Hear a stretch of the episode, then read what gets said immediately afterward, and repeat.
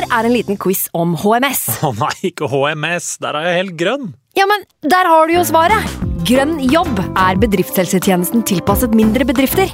Våre HMS-eksperter hjelper mer enn 8000 bedrifter over hele Norge med alt fra lovpålagte HMS-krav til pålegg fra Arbeidstilsynet. Få på plass bedriftshelsetjeneste på grønnjobb.no. Hallo? Jeg kommer fra Oslo politikammer. Ine Jansen er purk. Er du purk? The motherfucking bitch. Alt jeg vil, er å finne ut hva som skjedde med mannen min. Jon Carew. Er jeg sikta for noe? Iben Akeli. Det er du. Ole So, Lars Berrum og Big Daddy Karsten. Hvem sin side er du på, egentlig? Anette Hoff, Tone Danielsen, Kommer du fra Afrika? Jørnis Josef, Nesten. Kløfta. Trond Espen Seim, Det er synd å si det, men det var feil mann som døde. Purk. Premiere tirsdag på TV2 Play.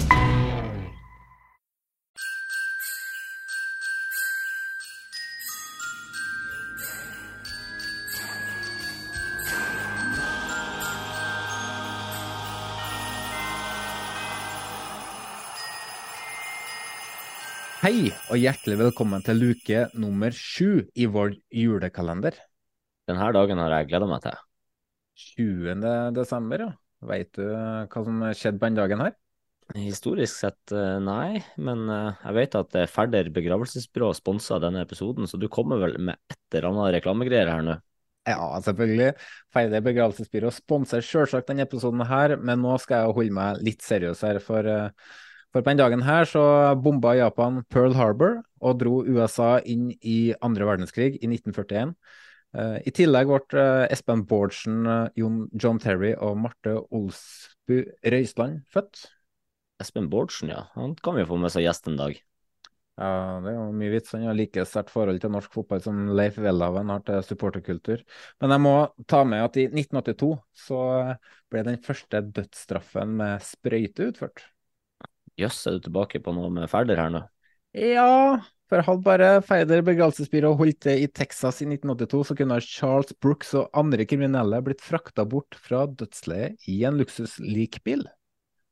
Kriminelle, fortjener de luksuslikbiler da, Jonas? Nei, godt poeng, men de kunne i hvert fall eh, fått enda flere eh, hva skal jeg kalle det, kunder. Ja, det er et godt poeng. Men eh, vet du hva som er unikt med Færder begravelsesbyrå? At de holdt til på Sem, Nøtterøy og Tønsberg og har luksuslikbiler og blir lagt merke til overalt i Vestfold? Ja, ikke det jeg sikta til, men uh... Nei, da jeg, jeg vet ikke så mye om de her. Det er du som snakker mest med de. ja, nei, altså, det som er unikt med de, da, at kundene deres, de klager aldri. Vi er nødt til å få inn dagens gjest, Frank. Og eh, han har jeg gledet meg lenge til å få inn. Det har jeg også. Vi skal ha med oss en eh, gammel kjenning i dag. Eh, for eh, han har vi hatt med oss eh, tidligere. Det stemmer, og noe som er utrolig hyggelig. Han, eh, han smiler hele tida, han karen der. Det gjør han. For eh, vi fikk en del forslag på hvem vi skulle ha med, som, hvem skulle være med også. Fikk mange forslag, og selvfølgelig var det noen som traff blink, så jeg tror vi gjorde det litt lettere. Men hva var egentlig premien? Dagens premie blir en Glimt-drakt. Så med andre ord så er det en eh, Glimt eh, En som har relasjoner til Glimt. Ja, det stemmer. Og da har han sikkert eh, drakt nummer sju siden det er 7. desember.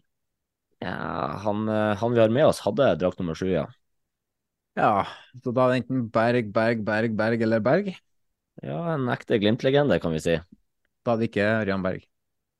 Hva du, hva du mener Han er Rosenborg-legende. Mannen streika seg jo bort fra Glimt for å komme til Rosenborg. For en mann, ja, gitt! Du glemmer ikke det der, du. Absolutt ikke. Jeg skal sørge for at uh, ingen glemmer det. Men uh, uh, ja, du sa jo at han hadde drakt nummer sju, og da kan det heller ikke være sønnen hans Patrick, som har nummer 77. Nei, men Patrick han er jo aktiv enda, så han har vel ikke fått det legendestempelet enda. Kanskje ikke, men gud bedre for en fantastisk fotballspiller. Og krysser også fingrene for at han streker seg litt lenger sør. Du kan nå drømme. Han skal selvfølgelig ingen vei, han. Eh, men eh, han fikk jo eh, aldri opplevd gullalderen til Glimt, som, som de er gjennom nå, da, dagens gjest. Men jeg kan definitivt si at han er en av de viktigste årsakene til at Glimt er der de er i dag. Jeg tør faktisk ikke å tenke på hvor Glimt hadde vært uten denne mannen her, for med flaskepanting og sushiprosjekt og alt mulig som han har bidratt med for klubben, Ja, uten, uten han her så hadde ikke Glimt eh, vært noe lenger etter en økonomisk eh, skikkelig baksmell tidligere for noen år tilbake. Ja, og dessverre for resten av Fotball-Norge som har opplevd at Glimt vinner og vinner og vinner. og vinner. Så hvem er det som er bak eh, luke nummer sju? Det er han Runar Berg.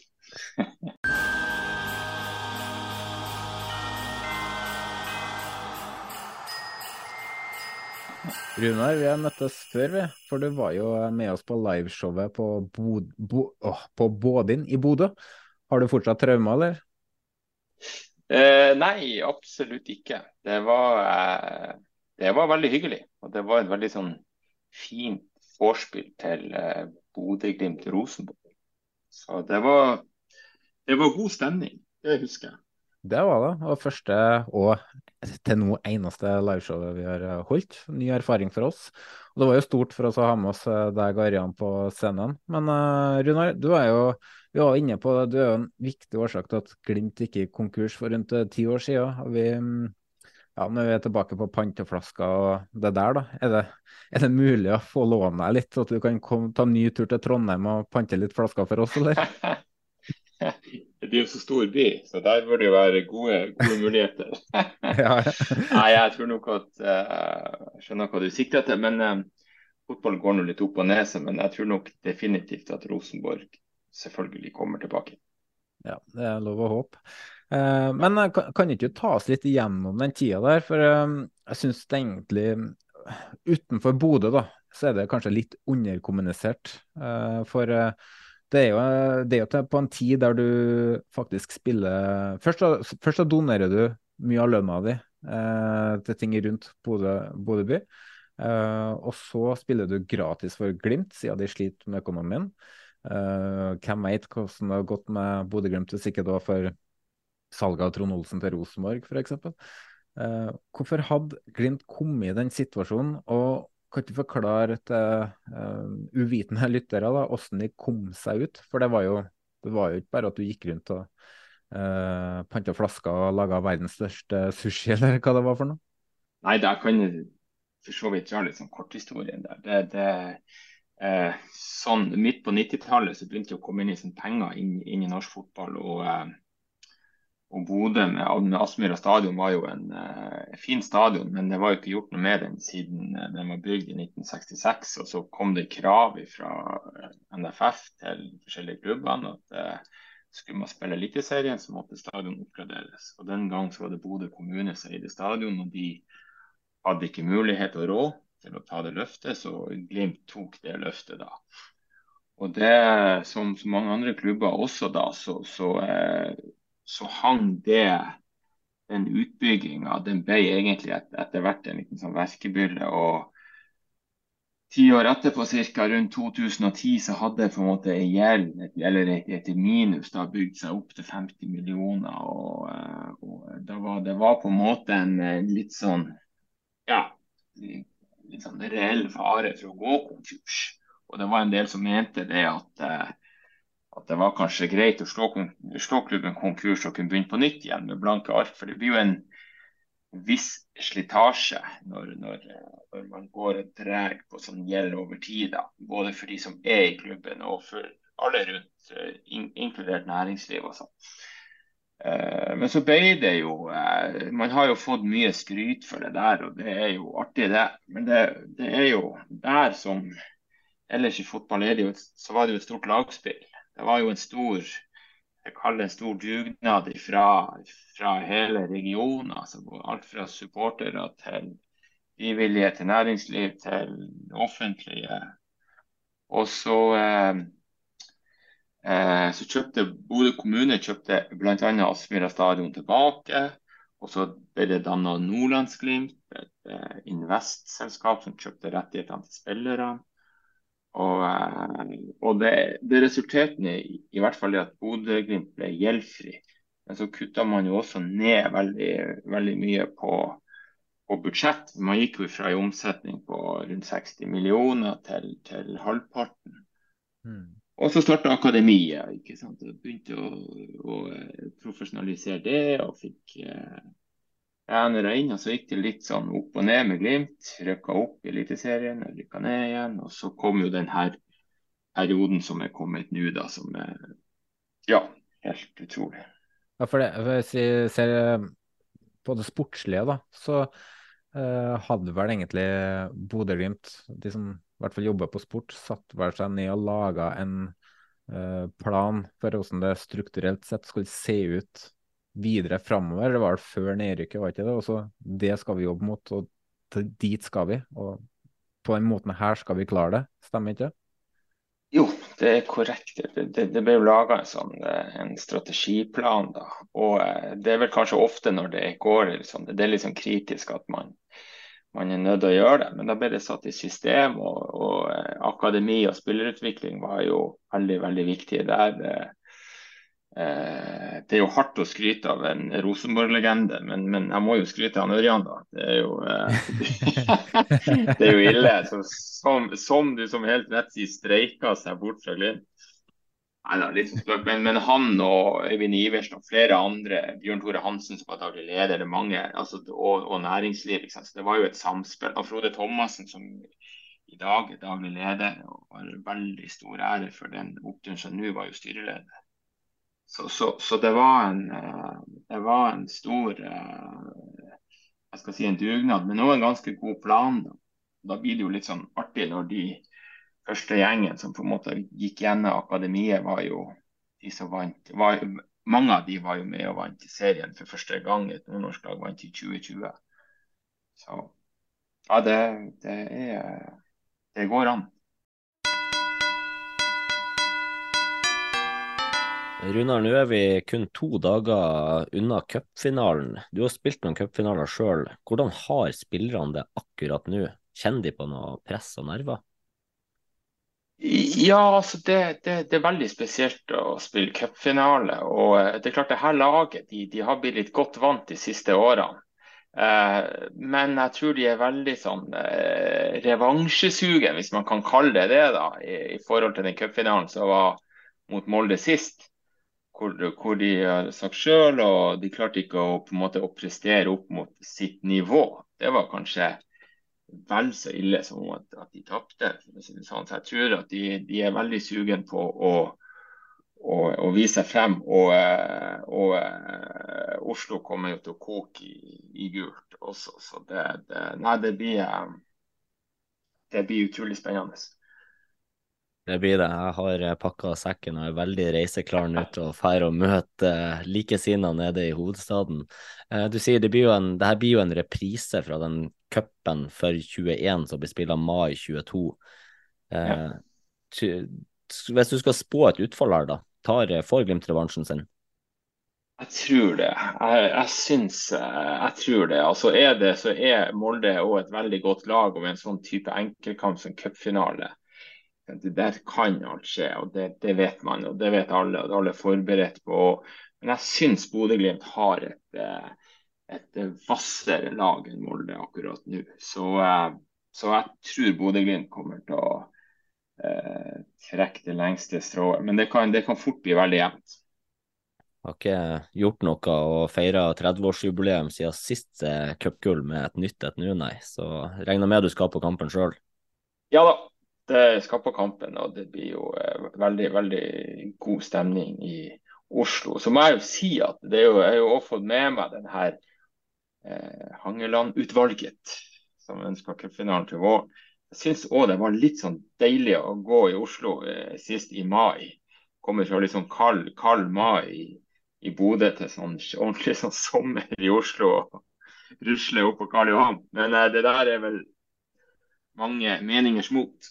Så, uh, men cupfinale er cupfinale uansett, så jeg håper virkelig at man klarer å ta vare på den tradisjonen. Billettene de ble jo revet bort med en gang her, så, så det, nei, det, det, det, er, det er noe spesielt med cupen.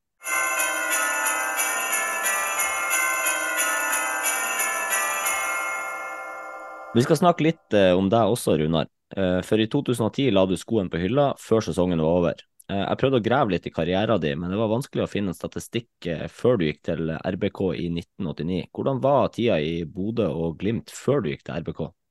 Jo, det kan jeg si deg. Så det er sånn, du kan si at det ble jo en sånn Når Nordlandshallen kom i høsten 1991, da, bare for å hoppe litt frem i tid, det var utrolig viktig for den neste storhetsperioden til Glimt. Så på 80-tallet, etter, etter 70-tallsperioden, faderen Arne Hansen, Terje Mørke var den generasjonen. Eh, de trente jo, ikke sant. Det var jo, de hadde Aspmyra, og så var det snø og is. Og det, og det trente vi også på, på 80-tallet. Så når de la opp, så var det egentlig ganske mange faktisk mange gode spillere på Glimt som kom opp. Men det apparatet som er f.eks. i dag, da, det var jo noe helt annet den gang. Så de unge, gode spillerne der, de, de, de ja, de, de, var selvfølgelig i ei, ei anna tid. Eh, så det ble litt sånn røkka ned til dagens eh, Obos. og eh, Midt på 80-tallet så var man nede på nivå 3, så den gang het det nordnorsk andredivisjon. Avdeling F. Og Gran Bodø var den gang i Obos. og de var faktisk en, eller ikke faktisk, men de var en periode bedre enn Glimt. De var høyere i seriesystemet.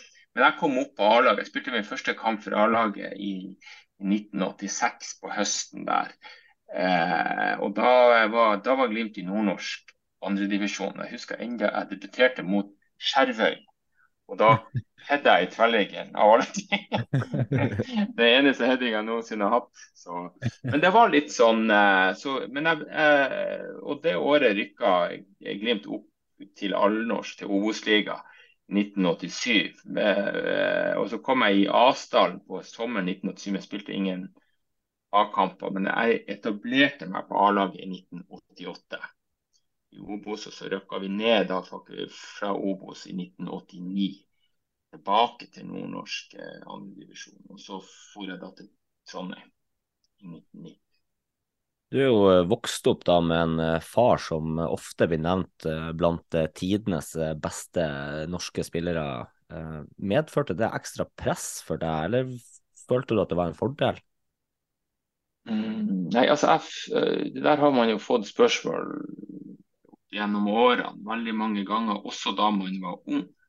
Men jeg følte vel egentlig ikke, så jeg kan huske jeg spurte han Ørjan faktisk om han, for det er ofte noe du kan føle. og Det er ikke noe unaturlig. Men eh, vi hadde egentlig et ganske sånn fint miljø. Eh, så, altså på Glimt og de kompisene eh, som var på skolen og sånne der ting. Så, så jeg, det høres kanskje litt sånn dumt ut, men jeg tror ikke jeg følte noe. Hvis det går an å tro ting. Eh, vi er i 1990. Du fikk smake litt på eliteseriefotball eh, for Rosenborg eh, med litt spilletid her og der, men i løpet av sesongen fikk du lite tillit av Nils Arne Eggen, som endte med overgang til Tromsø, hvor du spilte i én sesong før du dro tilbake til Glimt. Fortell litt om den perioden du fikk i Glimt under din andre periode. Ja, jeg, jeg, som sagt så, så, så jeg dro til Trondheim da i 1990. Ja. Minian Ørjan hadde dratt i 1988. og hadde, hadde, De fikk kjempesuksess med en gang og spilte seg inn på laget. og De kom på landslaget, og Rosenborg vant og ditt og datt. Og Den samme eh, suksessen eller framgang eller utviklinga, den hadde jo jeg også lyst til å ha. Den hadde jeg da ikke. Så jeg, eh, og så var, så, så var Tromsø var interessert. Og Tromsø hadde da eh, De hadde tatt på en måte den rollen som Glimt hadde på 70-tallet. De vant cupfinalen i 86, og de hadde fått skarphall og innendørs. Så det var eh, Så jeg ble tenkte at det var bedre for meg rent sportslig, rett og slett. Så ble det litt bedre i Tromsø, spilte litt mer. Og så, jo, og så kom jo høsten 91 hvor Nordlandshallen sto ferdig. og Det var en sånn, eh, sånn game changer for Bodø-fotball. Eh, da kom jo han Trond Sollid, ble henta av næringslivet. ikke sant? Ble, eh, så kom han Tommy Hansen fra Mjøndalen og Tom Kåre, og gjengen kom opp. Han Harald Brattbakk, som var litt samme som meg i Trondheim. Eh, ung og ikke helt slått til i, i Rosenborg, eh, kom, kom, også til, til, Glimt. Så vi fikk en veldig sånn opptur. Og i 92, så, så eh, det året der, så la de så la de varmekabler under rassmyra og nytt gress. Og Det var såpass omfattende at vi, at, vi spilte den sesongen inne i Nordlandshallen. Og det er noe vi enda, vi, eller folk og vi, som det er faktisk eh, over 30 år siden. Men vi husker enda for en sånn utrolig artig stemning det var. Og da rykka vi opp, og det ble en sånn ny giv, da. Og vi, vi, eh, så det var jo eh, Så det var en god del av oss som var som da på en måte var liksom, i begynnelsen av 20-årene 1, 2, 23, og den gjengen fikk liksom et sånn gjennombrudd da. Så det var en ja, utrolig sånn artig periode i, i fotballivet. Den her 90-talls 90 endte jo med ja, to seriemedaljer og to cupfinaler og europacupspill. Så det var ei veldig, veldig fin tid, da. I 97 så ble det henta til Trondheim og Rosenborg igjen og fikk oppleve både seriegull og Champions League. og Hvordan var den tida der? For du, du var jo med å slå Real Madrid 2-0. Dere slo Nypiakos 5-1 hjemme som om det var en selvfølge. Men var, var, det litt sånn som de andre spillerne fra Rosenborg da har snakka om at det bare Det føltes bare naturlig, da? At dere følte at vi kan vinne Champions League og, og alt det der? Ja, så jeg kom jo Jeg var jo etter den eh, etter 96, da, så da hadde jeg vært i Glimt i fem år og vi hadde spilt cupfinale og, og følte at jeg liksom jeg måtte på en måte litt sånn videre og hadde noen sånn tilbud.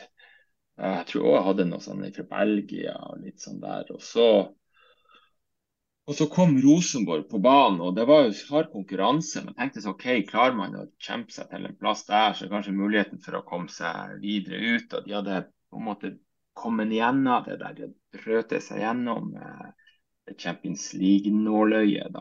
Så jeg sa ja til Rosenborg den høsten 96, akkurat eh, før den Milan-kampen.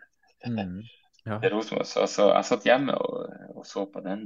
For du erstatta eh, Trond Egil Soltvedt, du ikke et, Etter hvert, ja. Så den, den, den første tida i Rosenborg i 97 på våren var litt sånn inn og ut. Og så ble, men så ble han solgt til Southampton. Og da beit jeg meg fast. Og Kåre Ingebrigtsen knakk jo foten til, til, min, til mitt hell, da. Mm. Hvis man kan kalle det det. Så, det, nei, så fikk man plass, og så etter hvert så, så, Men det var jo selvfølgelig en fantastisk tid. Og, og eh, vi uh, hadde det første året i, i, i 97. Da var det bare den én toer som gikk videre.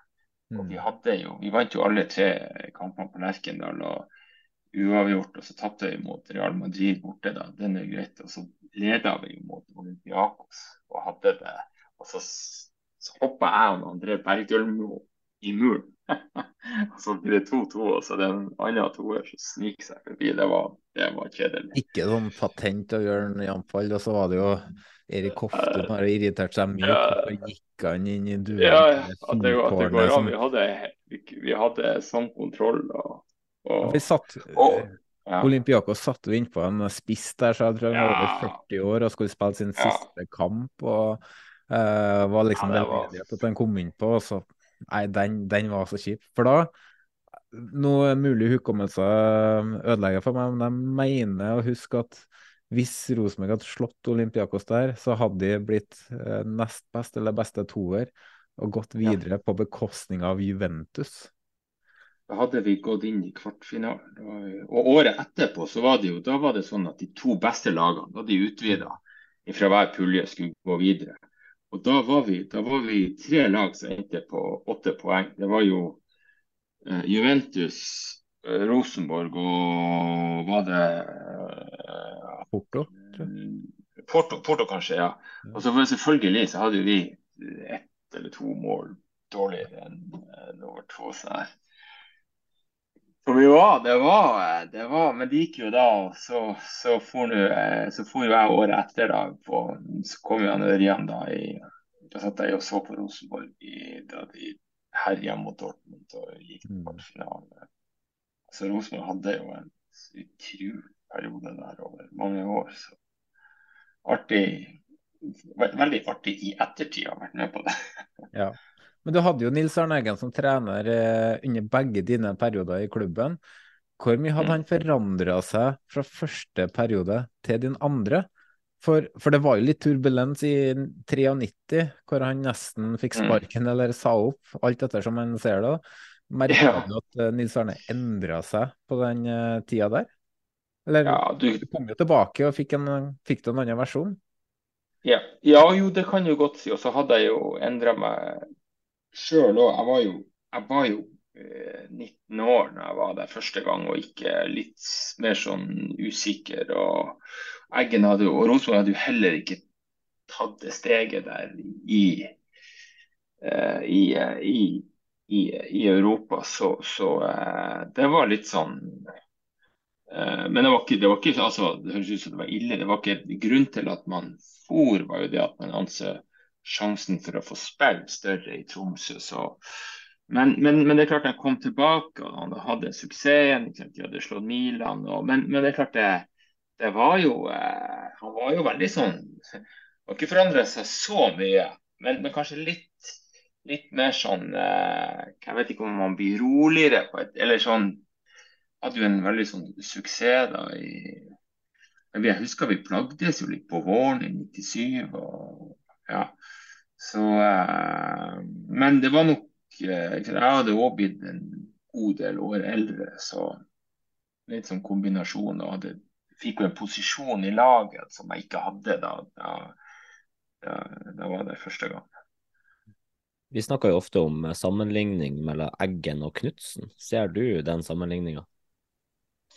Ja, jeg, vi, eh, vi hadde jo faktisk eh, Det tror jeg Kjetil pris på. At vi var jo eh, rett før korona, faktisk. Da spilte Glimt treningskamp mot Rosenborg i Abrahall. Det var bare sånn ja, par uker før det liksom ble stengt ned, eller et eller annet sånt. Så da var vi der nede. Eh, Han Ørjan, han Ørjan var med, og så møtte vi han Eggen. Da fikk han med trenerteamet Kjetil etterpå, fikk de prate. Og så vi har jo sagt, og er jo veldig sånn beundrere av han Eggen, og det skjønner jeg jo godt. Og, og Glimt spiller jo 4-3-3, og mye av prinsippene er jo, er jo det samme. Så har jo fotballen også utvikla seg, det har den jo. Så, så, eh, men det er veldig, det er ganske mye likt, ja. Tilbake til karrieren din. Du får jo plutselig et utenlandseventyr utenlandseventyr. Du drar til italiensk fotball og Venezia. Eh, var det en eksotisk overgang, er det riktig å kalle det?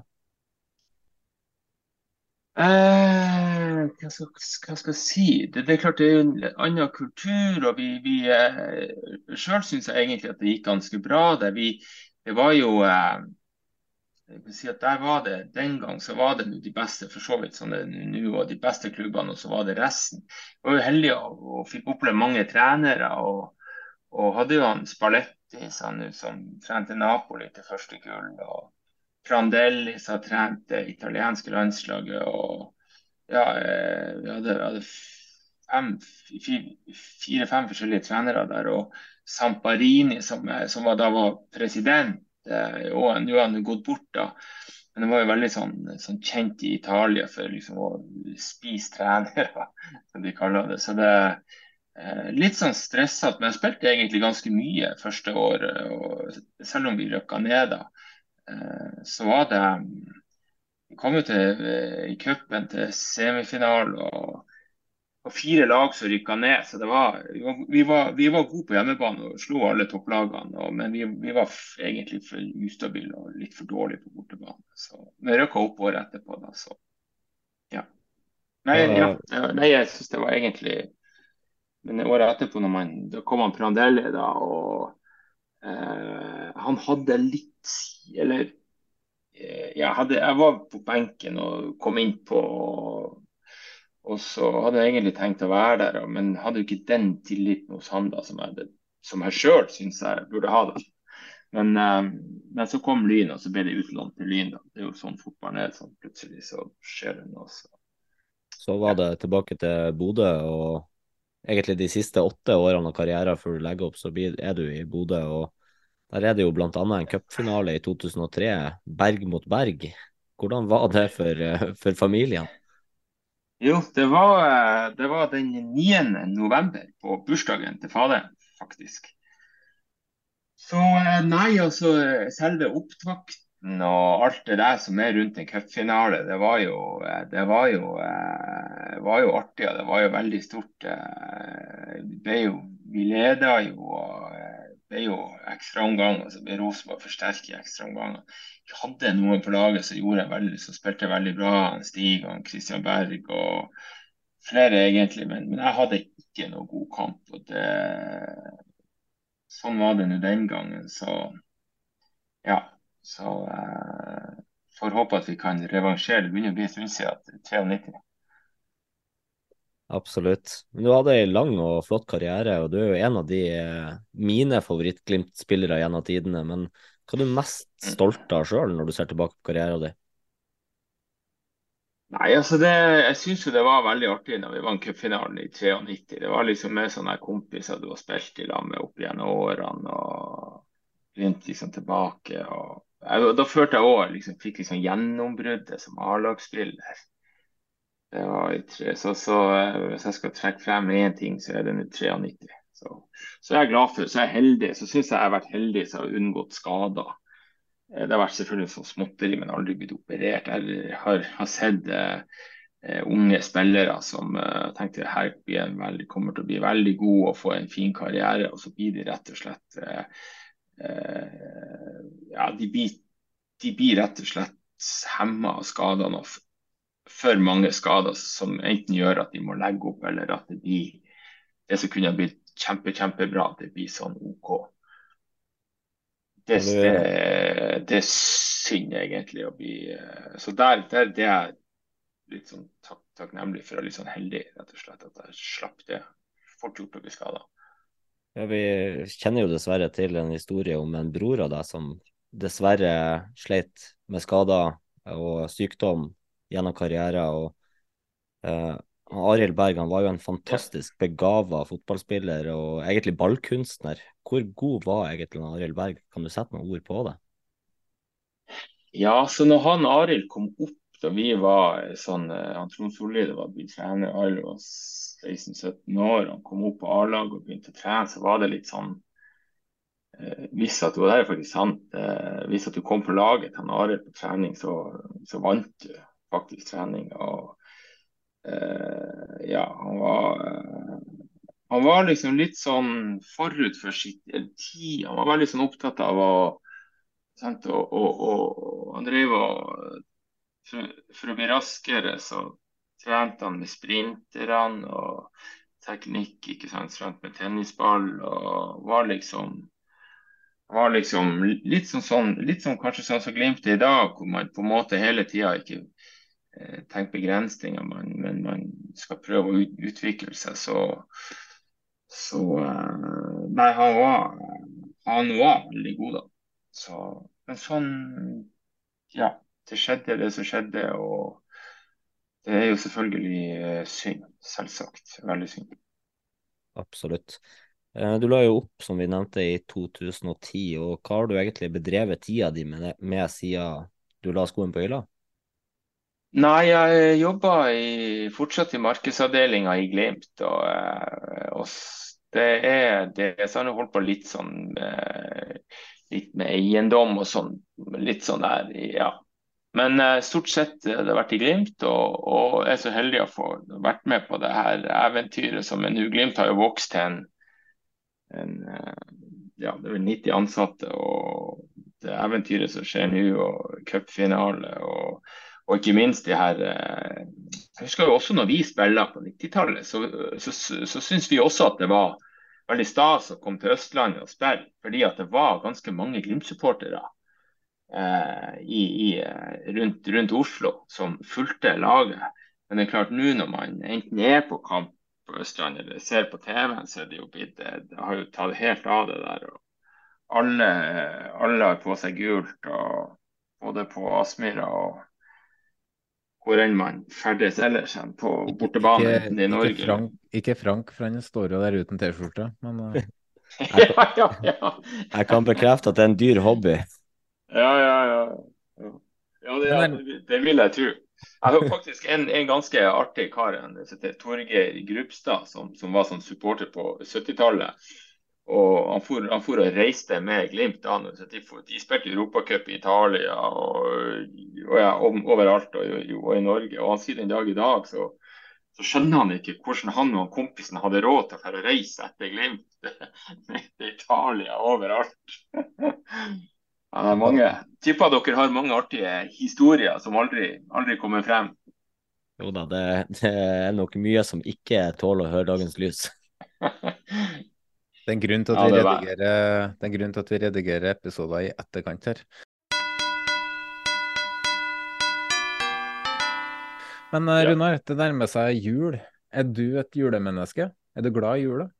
Uh, ja, jeg er, jo, jeg er jo det. Jeg syns jula er en sånn uh, fin tid. Når man har spilt fotball, så det er liksom alltid sånn der uh, en, en, en, lang sesong, og så blir det litt sånn avbrekk i jula før det før det liksom eh, starta opp igjen i januar. Så jeg syns jula er en fin tid. og Det er sånn tradisjon her i Bodø med romjulsturnering. og mm. ja, Så uh, det blir selvfølgelig Jula endrer seg litt alt etter hvor, hvor, du, hvor, hvor gammel du er og osv. Men det er veldig sånn ja, fin, fin tid. Spiller du juleturneringer ennå, eller? Uh, spiller, spiller. Står, du, står og, du, står og, strør baller? Jeg, jeg tror jeg er påmeldt. er det familielag, da, eller? Ja, vi har ja, både og. Ja, vi har hatt et sånt familielag. Og det er jo noen som fortsatt Jeg og Ørjan har mista det konkurranseinstinktet fullstendig. Så, så uh, det blir lite spilletid. Men, uh, men det, det, det er greit det er, noe, det er noen gode spillere i generasjonen under deg òg, da. Ja, ja, da. ja da. Det er, det, det er artig, det der. Ja. Men Er det du som tar deg av pynting og julegaveinnkjøp, eller, eller delegerer du det bort? Det, nei, vet du, der eh, Det er ikke mye. Jeg, jeg prøver å, å bidra. Si du gjør som du får beskjed om? Ja. Ja.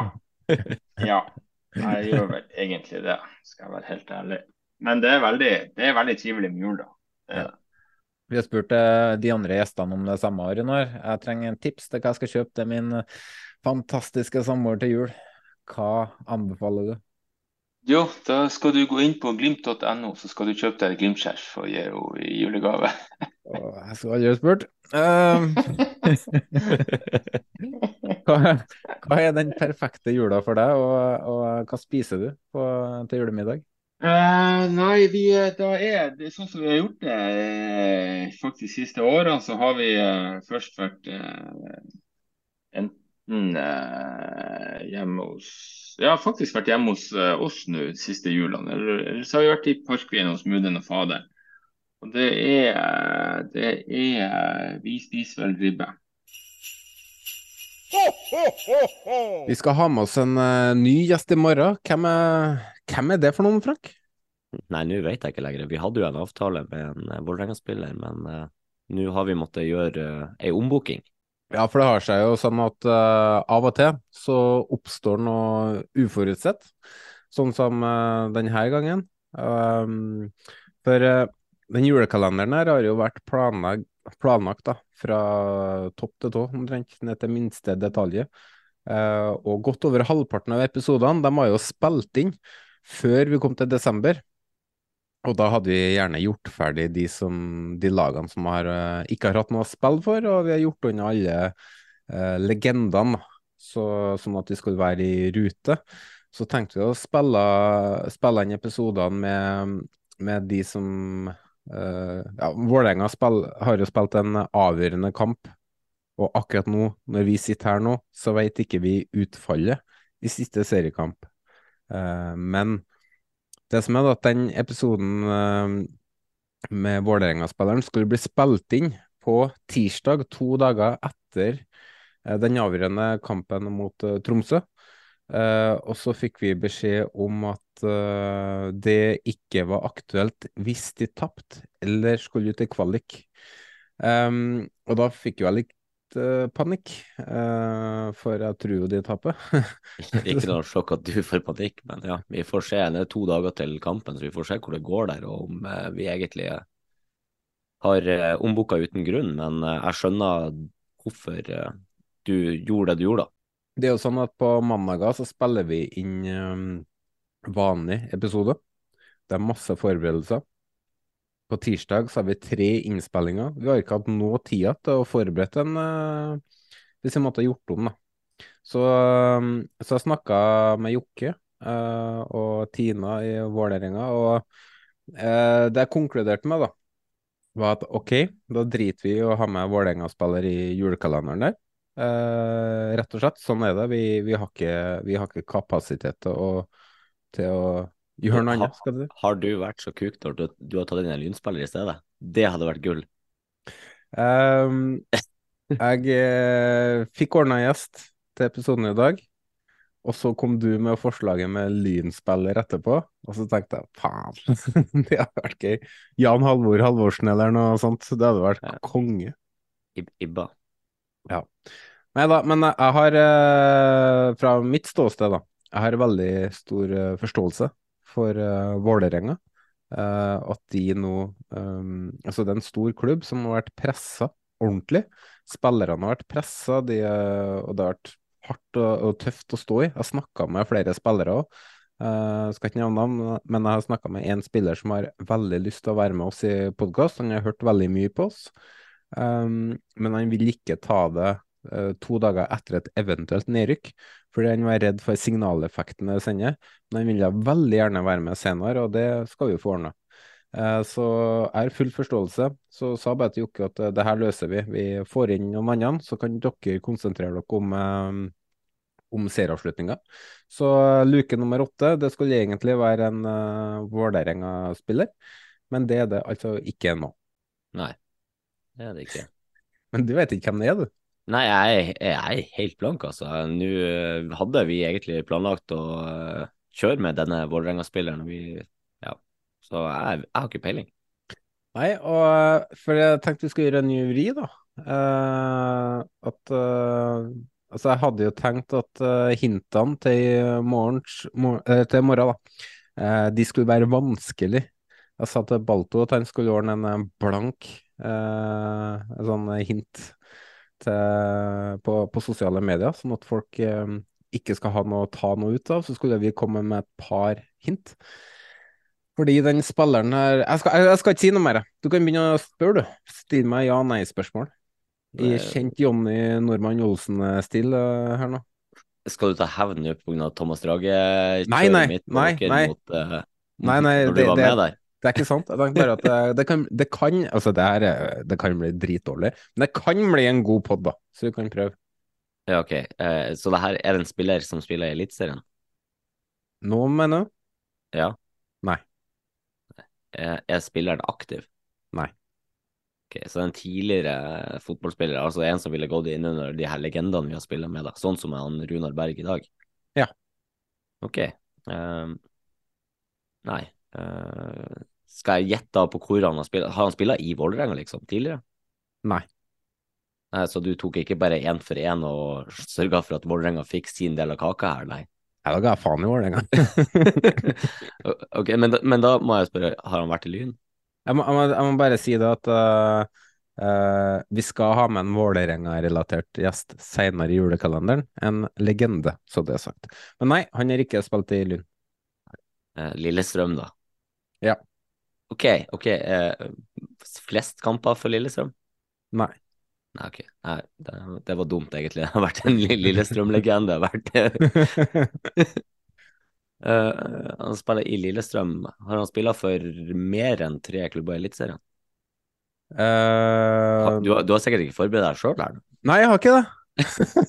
så, du, så, du, skal ha meg til å gjette på en spiller du Nei, altså, jeg, jeg eh, kjenner jo til spilleren, jeg må bare, altså det gjelder dumt å si nei, og så bare oi. Uh, men i Eliteserien så har han uh, spilt for to klubber. To klubber. Lillestrøm og da en annen toppklubb? Ja. Hvordan posisjon har han? Er han forsvarsspiller? Nei. Ok, Skal jeg bare fortsette å gjette på posisjonsspørsmål, eller har du tenkt å kjøre en sånn hard vri om at det er kun ett posisjonsspørsmål? Og... Eh, vi kan si at du ikke får med posisjonsspørsmål, da. Det her blir jævlig bra pod, Jonas. Ja, nei, jeg syns det.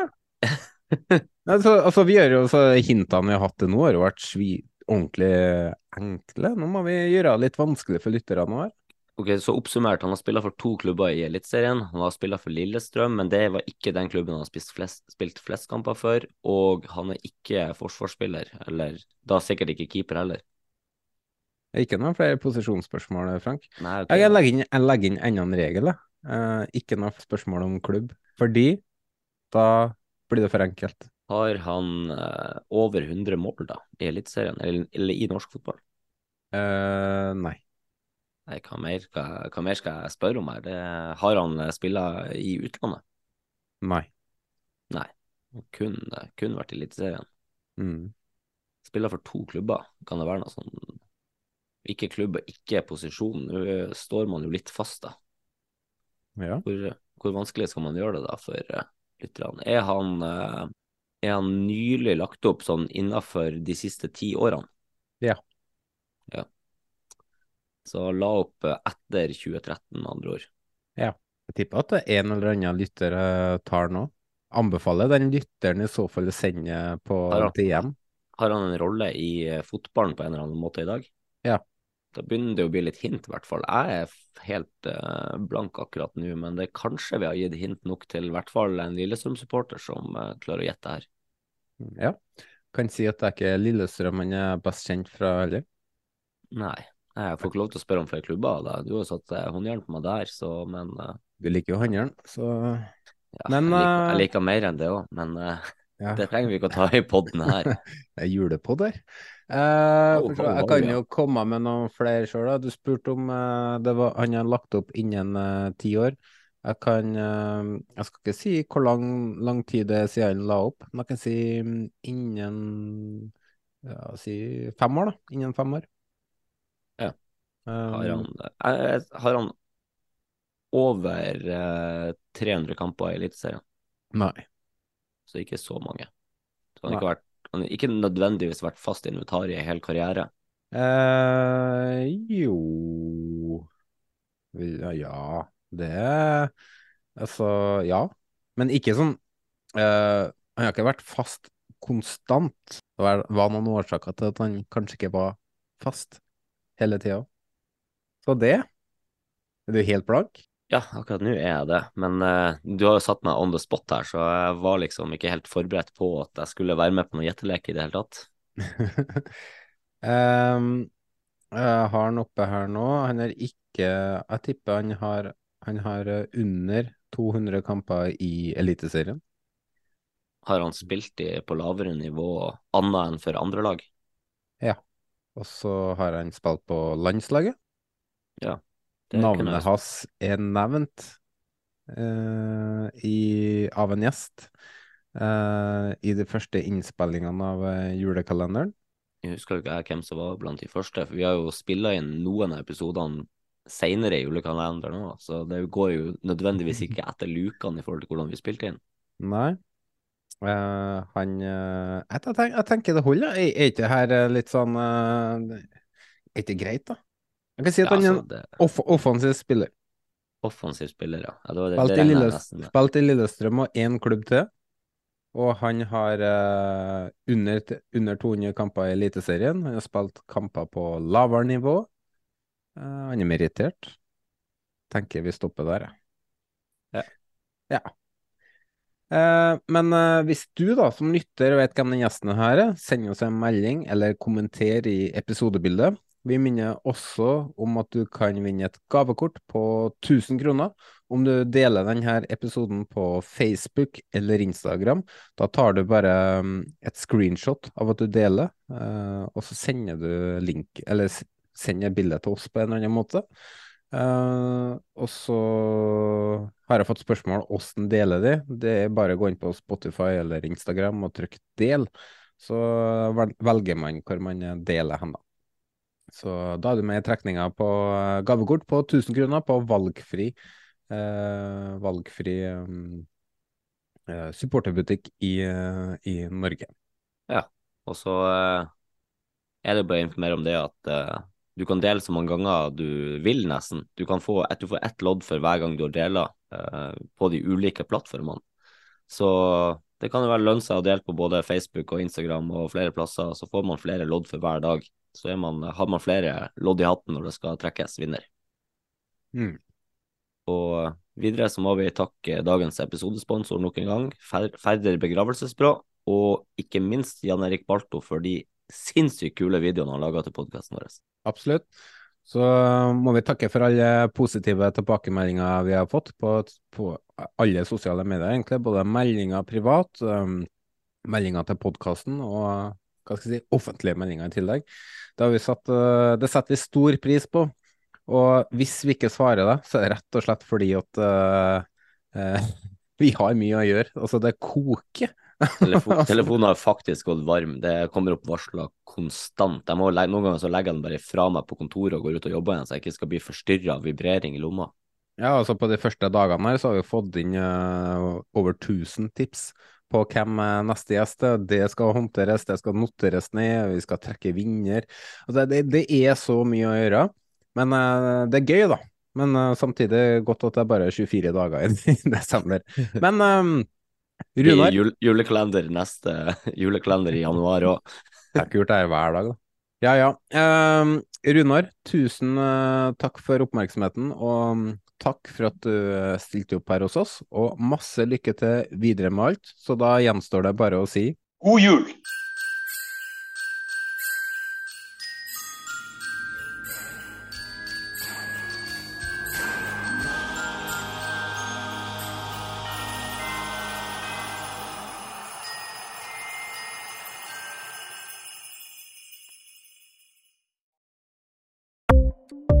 Ukens annonsør er HelloFresh.